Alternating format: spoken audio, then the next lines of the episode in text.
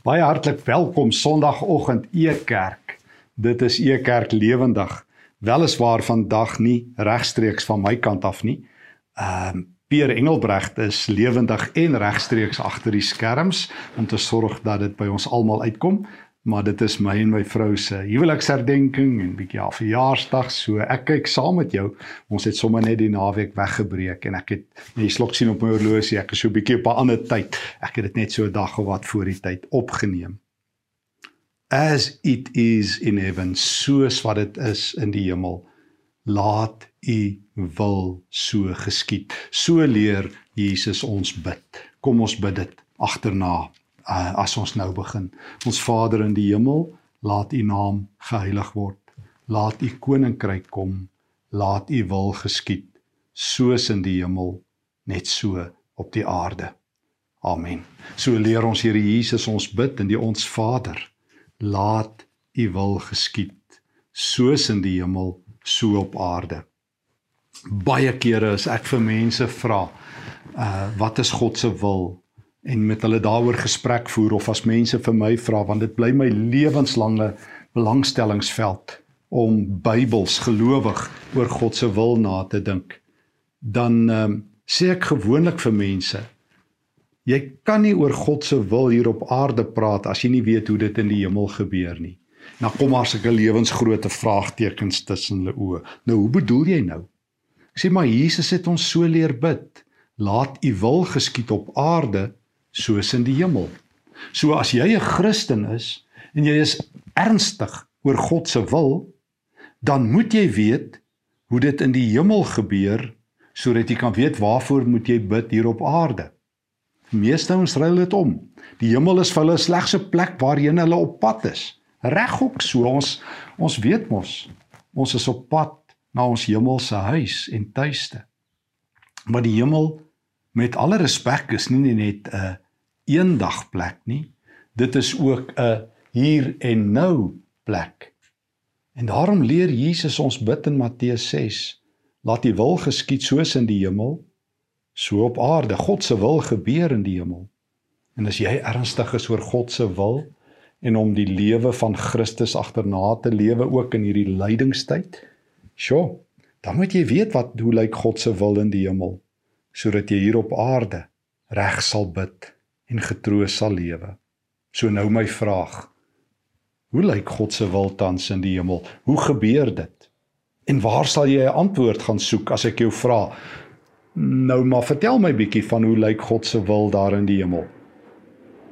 Wel, vir my is my gunsteling, ubergunsteling tekste hieroor Openbaring hoofstuk 4 en 5. Ek het al baie daaroor gepreek, baie Bybelskole gehou en nooit kan ek ophou om die geheime en die edelgesteentes wat in Openbaring 4 en 5 verpak is, nuut in my hande vas te hou en daarna te kyk en net in verstomming oor God se groot wil in die hemel uh te praat en te preek en te jubel en om te aanbid nie. So, Openbaring 4 en 5 blaai saam met my soontoe. Want die vraag vandag Hoe lyk God se wil op aarde? Waarvoor bid ons in hierdie tyd dat die Oekraïne brand, dat armoede oral in ons land kop uitsteek, dat die wêreld maar 'n taaierige plek is? As it is in heaven, soos in die hemel, so op aarde. Johannes is op Patmos. Hy's 'n persona non grata, 'n onwelkom persoon in die Romeinse ryk. Hy's uitgeban na hierdie eiland toe. Jesus verskyn aan hom.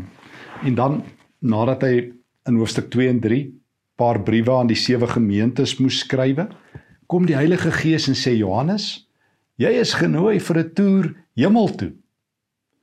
En Johannes dink hy sterwe. Nee, sê die Here, skrywe op wat jy sien en en kom leer die kerk om deur die oë van die Gees en Christus en deur jou pen te kyk hoe dit is tans in die hemel, daar waar God heers, daar waar hy koning is, daar waar sy familie tuiste is, daar waar die beheersentrum van die heelal is, sodat gelowiges getroos kan lewe en sterwe.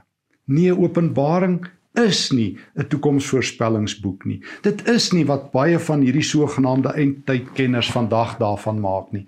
Dit is nie 'n boek wat nou al weer iets oor die Oekraïne in geheime kode taal vir ons wil sê nie. Nou is dit weer die nuutste tydverdryf. Net nou die dag nog was dit die koronavirus en nou is dit ook al weer vergeete. Nou is dit weer Putin. En 'n paar jaar terug was dit um, ander Russiese leiers en ander Chinese. Mense wat Openbaring so gebruik, misbruik dit. Openbaring is die boek wat een vraag wil antwoord. Ek sê altyd Openbaring is die visualisering van Jesus se gebed. Openbaring vat ons agter die skerms in en laat ons verstaan wie is Jesus? Hoe lyk God se wil en hoe lyk ons toekomstige bestemming sodat ons hier en nou getroos, gelukkig en tevrede kan lewe. So, Johannes nooi ons. Mag ek en jy saam reis. Kom ons gaan kyk. Hierna het ek Johannes 'n in die hemel 'n oop deur gesien. Dis Openbaring 4 vers 1. God maak die deur oop en hy sê: "Welkom."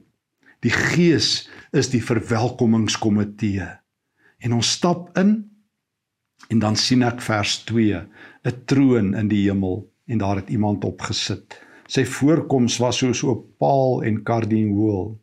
Reg rondom die troon was dit soos 'n reënboog met die glans van smarag. Probleem. Johannes het nie genoeg taal nie. Ek meen, hoe praat jy? Hoe skryf jy oor God as God jou uitnooi? Kom praat gaan vertel vir ander gelowiges as it is in heaven. Daar's nie genoeg Grieks, genoeg Hebreëus, genoeg Engels, Afrikaans, Sotho, Tswana, jy noem dit nie. Daarom gebruik hy beeldspraak. As hy sê hy sien iemand op 'n troon, dan weet hy dis die almagtige, die skepper van die aarde en die hemel, die Here wat heers, wat koning is, wat aan die stuur staan van die hele heelal. Dit is die eerste beeld, dieselfde soort beelde wat Jesaja sien in Jesaja 6 en in Jesaja 40 tot 46 tot 66. Die Almagtige, die een wat uittroon voor wie die nasie so stof is. Dit is hy wie Johannes sien. Sy voorkoms op paal en karnieul is nie letterlik bedoel nie, dis beeldspraak om te sê die skoonheid, die heiligheid, die heerlikheid van die Here. God is rustig. Hy sit. Hy's aan die stuur. Soos baie mense kies om te sê hy's in beheer. Hy is die Here. Hy alleen. Nee nee, dit is nie die wêreldmagte. Dis nie die Putins en al die ander uh opstokers en moeilikheidmakers wat beheer nie. God die Almagtige. En hy's so rustig, so sterk dat hy op sy troon sit Daar's nie 'n skarrel van noodprogramme, krisisbestuur, noodvergaderings nie. God is die Almagtige. En dan sien ons dat reg rondom sy troon is daar hier die heerlikheid, hierdie reënboog. Dis die verbondsgod, die getroue God, die woordhou God, die belofte nakomende God, die een wat is en wat was en wat weer kom. En dan reg rondom die trone lees ek in vers 4 van Openbaring 4 is daar 24 ander trone waarop 24 ouderlinge sit. Verskoon die vliegtyg. En ehm um, hulle het wit klere aan en op hulle koppe is daar goue krones. Vertrou my en jy kan gaan kyk in Openbaring 21 en reg deur die boek dat hierdie 24 ouderlinge die hemelse kerk verteenwoordig, die 12 stamme van die Ou Testament van wie ons in hoofstuk 7 ook lees wat eintlik dan nou vervang word deur die 12 apostels as die volle volk van God. 24 ouderlinge die hemelse kerk. Ons geliefdes wat reeds by die Here is hier op aarde is dinge de mekaar. Johannes homself as 'n gevangene 'n vlugteling 'n wegkruiper 'n uitgebande Baie ander gelowiges se bloed het in die strate geloop. Maar nou weet Johannes waar is hulle? Hulle het veilig tuis gekom. Hulle het 'n goeie aankoms gehad.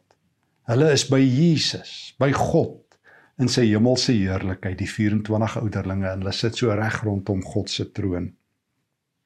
Ek sê altyd vir myself as my wiskunde reg is, is almal alle punte op 'n sirkel ewe naby in die middel. En dis soos met God. Almal sit ewe naby aan hom. Of jy ehm, um, rukkie vir hom geleef het en of jy aan die kruis soos die man van Lukas 23 tot bekering gekom het en of jy 'n leeftyd lank kom dien soos Timoteus en sy ou sy ma en ouma almal sit ewe naby. Daar's nie 'n bo-dorp of 'n onderdorp nie. Dit het 'n hele bedryf geword in die Christendom om te sê mense moet werk vir beter plekke en meer krone en ek weet nie wat alles nie. Ek het al die vreeslikste goed gehoor wat mense leer daar in Openbaring 19 waar die beeld gebruik word van die huwelik dat ons die bruid van Christus is en dat ons ook die genooides is. Iemand sê nou die dag vir my, hulle wil tog maar net die bruid wees en nie net die genooides nie. Ek sê, "Ai mense, dis beeldspraak. Johannes gebruik beide. Ons is beide te gelyk. Daar's nie 'n bo-dorp, 'n onderdorp, 'n eerste klas en 'n tweede klas en 'n in 'n superklas nie. Alle Christene is gelyk of het ons vergeet Jesus vertel dit ook in Matteus 20 die arbeiders wat op verskillende tye gehuur word. En ons vergeet Openbaring um 20 elke oog sal hom sien. Hy wat die oorwinning behaal sal dit alles kry. Daar is 'n groot gelykmaker en dit is geloof genade God werk met genade hy gee vir ons wat ons nie verdien nie of ons 'n uur na hom geglo het of 'n ewigheid. Ons almal gaan by die Here wees. Ons gaan hom sien. Wat 'n vooruitsig. As it is in heaven. Nou kan ek mos lewe hier op aarde, want dis mos die vraag, waarvoor bid ek? Dat ek hier op aarde daardie lewe sal lewe, dat ek 'n koning en 'n priester is.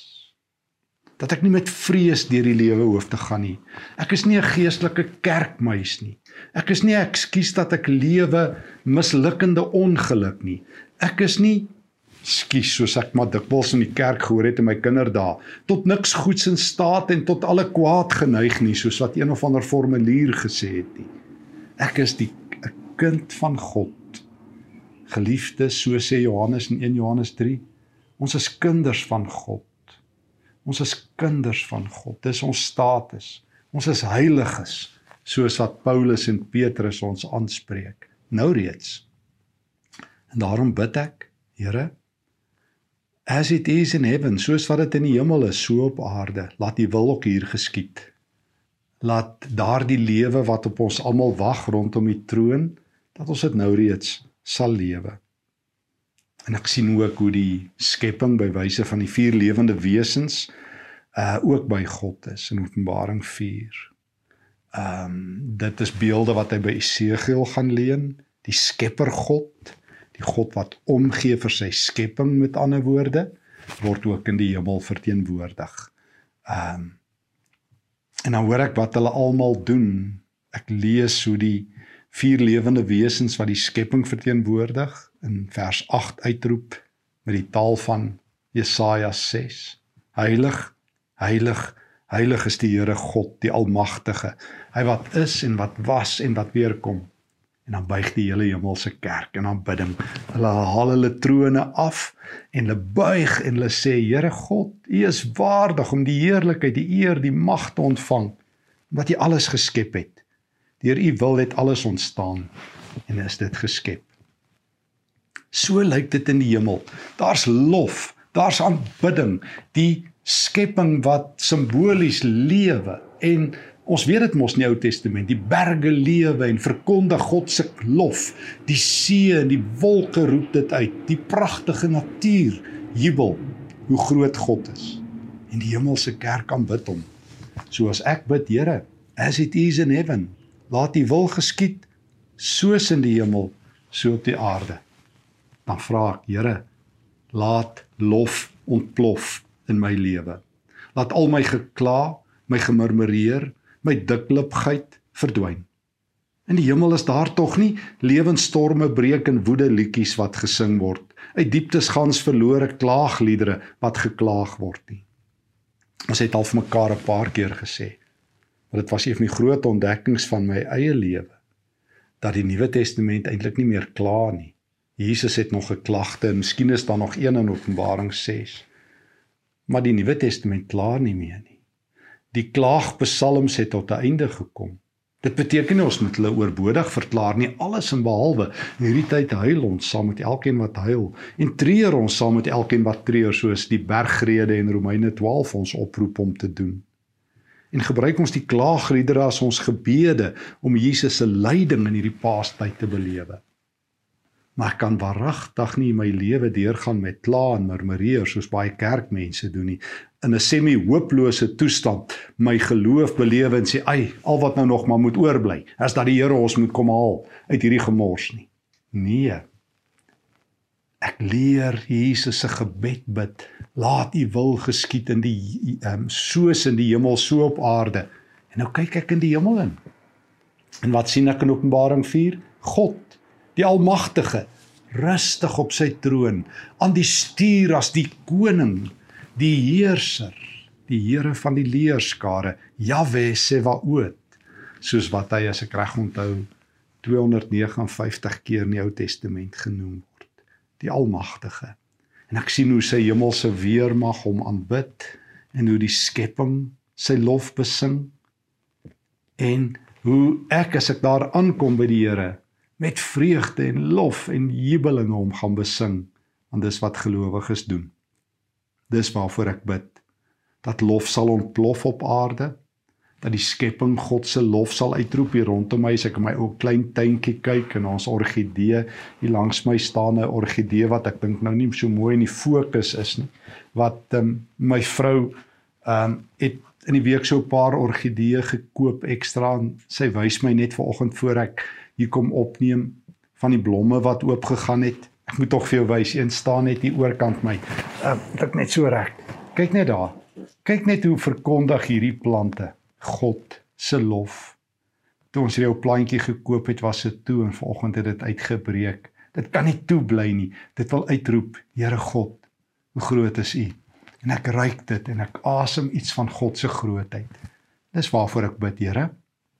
Gee my 'n fyn aanvoeling dat ek saam met die hemelse kerk hier sal besing dat ek saam met die skepping sal oorvloei en ontplof in lof dat ek die naam sal groot maak dat ek 'n koning en 'n priester sal wees. O ja hoofstuk 5 Openbaring 5 jy het nog rukkie tyd nê. Openbaring 5 In hoofstuk 4 eh, sien ek God o ja en ek sien die sewe geeste daar in hoofstuk 4 vers 5 voor God se troon. Dis die Heilige Gees in sy volheid Maar Jesus is nog afwesig. Na so baie goeie rede, want hy's nog nie in die hemel nie. So waar is Jesus as hy nie in die hemel is nie? Hier op aarde. Om wat te doen? Om te sterf as die lam. Daardie lam van wie Johannes in Johannes 1 vers 29 en waar vers 35 ook weer uitroep, daar is die lam van God wat die sondes van die wêreld wegneem. Baie belangrik om Openbaring so te lees. Jesus kom in hoofstuk 5 in die hemel aan met sy hemelvaart, sy triomftog. Hy kom aan as die geslagte lam. Maar ek hoor eers in hoofstuk 5 se eerste 2 verse in die regterhand van hom wat op die troon sit, het ek 'n boekrol gesien wat aan die voor en die agterkant vol geskrywe was en met sewe seels goed verseël was. Toe het ek 'n sterk engel gehoor wat uitroep: "Wie gaan hierdie seels oopmaak? Wie gaan hierdie boek se geheime vir ons oopmaak?" Maar niemand in die hemel of op aarde of onder die aarde was in staat om dit te doen nie. En toe Johannes baie gehuil. Ek maak altyd die opmerking hier by vers 4. As jy in die hemel aankom, jy gaan sien daar so 'n bordjie huil verbode. Jy huil jou heile klaar hier en nou. Jy treur jou treure klaar. In die hemel huil ons nie, maar Johannes huil want hy weet dis God se raadsplan. Hoofstuk 5 vers 1. Hy sit op sy troon en hy hou sy raadsplan vas en dit is nie oop nie en niemand kan dit oopmaak nie. Nie Samson nie, nie Noag nie, nie Abraham, Isak, Jakob, Dawid, Jeremia, jy noem hulle nie een van hulle nie. En Johannes weet as die hemel nie die raadsplan van God op aarde loslaat nie, is ons in die moeilikheid. En terwyl hy huil, word hy getroos. En een van die hemelse kerk sê vir hom Johannes moenie huil nie, vers 5. Daar's 'n leeu op pad uit die stam van Juda. Hy het die oorwinning behaal hy gaan die boek oopmaak. En toe het ek voor die troon vers 6 wat omring is deur die vier lewende wesens wat die skepping verteenwoordig. Tussen die troon en die ouderlinge, dis mos die hemelse kerk, 'n lam sien staan, die een wat geslag is. Hy het sewe oë en sewe horings gehad. Die sewe oë is die sewe geeste van God wat oor die aarde gestuur is. Hy het toe gegaan en die boek ontvang uit die regterhand van hom wat op die troon sit. Dis my Here Jesus. So as jy wil vra, as jy wil bid, laat U wil geskied soos in die hemel hier op aarde, dan moet jy ook hoofstuk 5 lees van Openbaring. Dan moet jy weet Jesus het in die hemel ingestap na sy kruis en sy opstanding en sy hemelvaart en hy het sy woord gehou. Hy het gesê alle mag in die hemel en op die aarde is myne. Onthou jy sy laaste woorde? Matteus 28. Alle mag is myne. Nou stap hy in die hemel in en hy is aan die stuur van die raad van God, die plan van God. So as ek so in die hemel in kyk, kan weet ek Christus is die Here. Hy hou die raadsplan vas. En ek so rondom my hier op aarde kyk en ek lees die koerante en ek sien elke dag hoe verskriklik die oorlog is en ek hoor van hierdie misdade in ons land en reg oor die wêreld, dan moet ek tergelykertyd opkyk en 'n hemelse kyk hê. Ek moet Ek moet doen wat Paulus in Kolossense 3 vers 1 en 2 sê: Rig julle gedagtes op die dinge daarbo, daar waar Christus is. Nee nee nee, jy het nie gehoor nie, kan ek dit weer sê. Dis lewensbelangrik. Rig jou gedagtes op die dinge wat daarbo is, Kolossense 3 vers 2. Moenie soos die heidene wees nie, sê Paulus in Efesiërs 4, daarby vers 17 en verder. Hulle gedagtes lei tot niks. Hulle koppe is pap, daar's geen krag aan nie laat toe dat Christus julle denke vernuwe, nê? Nee, laat God julle nuwe gedagtes gee, 'n nuwe kyk gee in die hemel in, sodat jy kan weet wat jy bid. Christus stap in die hemel in. Hy sê hemelvaart, hy vat die boekrol. Ehm um, hy wat die sewe geeste het, wat die gees nou oor die aarde uitstort, soos wat hy beloof het hy sal doen by Pinkster. Hy het die boekrol gevat En dan buig die hemelse kerk en dan begin daar 'n hemelse erediens. En die hemelse kerk het 'n siter en goue bak vol wierook. En dit is die gebede van al die gelowiges. Jou en my gebede word in daai bak gegooi van wierook en nou styg hierdie gebed op. Hoor net vers 9. U is waardig om hierdie boek te neem en die seels daarvan oop te maak omdat u geslag is en met die bloed het die mense losgekoop uit elke stam en taal en volk en nasie en het hulle 'n koninkryk en priesters gemaak vir ons God en hulle sal oor die aarde regeer. En jy sê die lewe is hard. Jy sê dis hooploos. Dis wedstrydpunt vir sonde. Daar's geen doel waarvoor jy lewe nie. Hoeveel mense roep dit nie uit nie. Alles is sinneloos, gejaag na wind. Nee, nee, nee, nee, sê Johannes miljoenmal nee. Christus is die oorwinnaar. Hy het al die mag. En jy kan dit sien deur die oë van Johannes, deur die Gees. Jou oë kan verruim om te sien hy's koning en nou maak hy jou 'n koning en 'n priester. En jy sal vir altyd heers en toe die hele hemelse erediens in 'n crescendo ontaard van engele wat bykom en die skepping wat bykom alles in die hemel en op aarde en onder die aarde het uitgeroep die lam vers 12 wat geslag is. Is waardig om die mag rykdom wysheid eer heerlikheid en lof te ontvang. Toe bid die hele skepping agterna aan hom wat op die troon sit en aan die lam behoort die lof, die eer, die heerlikheid, die krag tot in ewigheid. En almal het gesê amen en hom aanbid. So lyk dit in die hemel. Hoofstuk 4 God is op sy troon. Die Gees is by hom. Alle gelowiges wat reeds gesterf het, sit rondom hom. Hulle vier fees. Hulle sing, hulle dans, hulle aanbid God. En dan stap Jesus in en hy bestuur God se plan totdat dit uitloop op die wederkoms. Hierdie wêreld gaan nie vir altyd hou nie. Ons ou liggame ook nie. Ons is nie gemaak om hier op aarde te lewe aan hierdie kant van die graf vir ewig nie. Op 'n dag gaan ons ons laaste asem uitblaas, maar ek kan nou reeds aan die ander kant sien.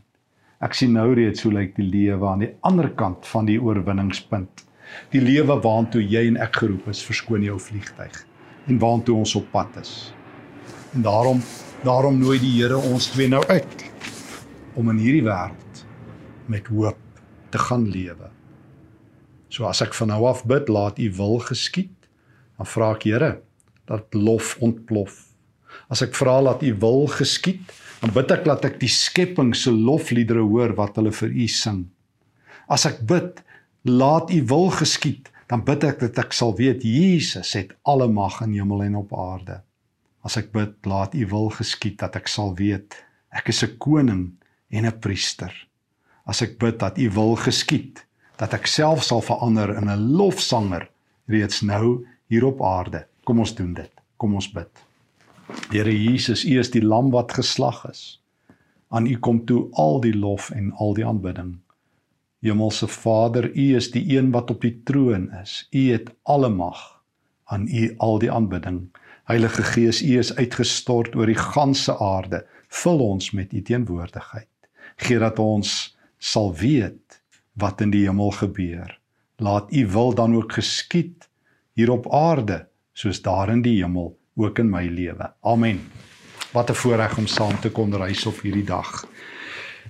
Uh Ekerk is aan die rol. Juffrou daar begin ons weer met uh ons Vrydagoggend Bybelskole. Dit is so net om die draai. Ons gaan so 'n bietjie stil staan net as die skole begin. As ek reg onthou is dit sommer nou Vrydag wat kom. Ehm um, gaan ons bietjie vir die res van die jaar Vrydagoggend 'n 9uur reis oor Lukas 9 tot 19. Jesus se groot reisverhaal wat afspeel vandat hy vertrek uit Galilea tot hy in Jerusalem aankom. So jy is so welkom regstreeks lewendig Vrydagoggende en dan jy kan dit na die tyd ook weer kyk op ons toep op ons webblad, Facebook, YouTube net soos jy wil. Dankie vir almal wat so getrou inskakel op ons verskillende platforms op ons e-kerk toep of app op YouTube en op Facebook. Daar's sommer 'n hele groot familie. Baie baie dankie. Dankie vir al die finansiële hulp wat ons ruim kan help weggee na bedienings toe. O ja, ehm um, e-kerk het ook 'n toer na die Passiespel toe dink is hier van die 29ste September af. Letterlik die tweede laaste passiespel gaan ons e-kerk ouens. En ons gaan net bietjie in Duitsland loop. So die toer is op ons webblad. Daar's weer 'n paar plekke oop. So spring as jy wil belang, as jy belangstel. Ons gaan so bietjie in München aankom en dan gaan ons so bietjie saam deur Duitsland toer, passiespel doen, 'n bietjie op die hakke van Liter loop en 'n bietjie van Bach uh se roetes raakloop. Dit gaan 'n wonderlike toer wees. So as jy wil saamgaan, spring gou, bespreek. Die detail is op ons webblad onder e-kerk toere. Ehm um, en mag die Here jou ryklik seën vandag. Mag jy belewe die hemele is oop en die Here Jesus is saam met ons op pad. Vrede vir jou.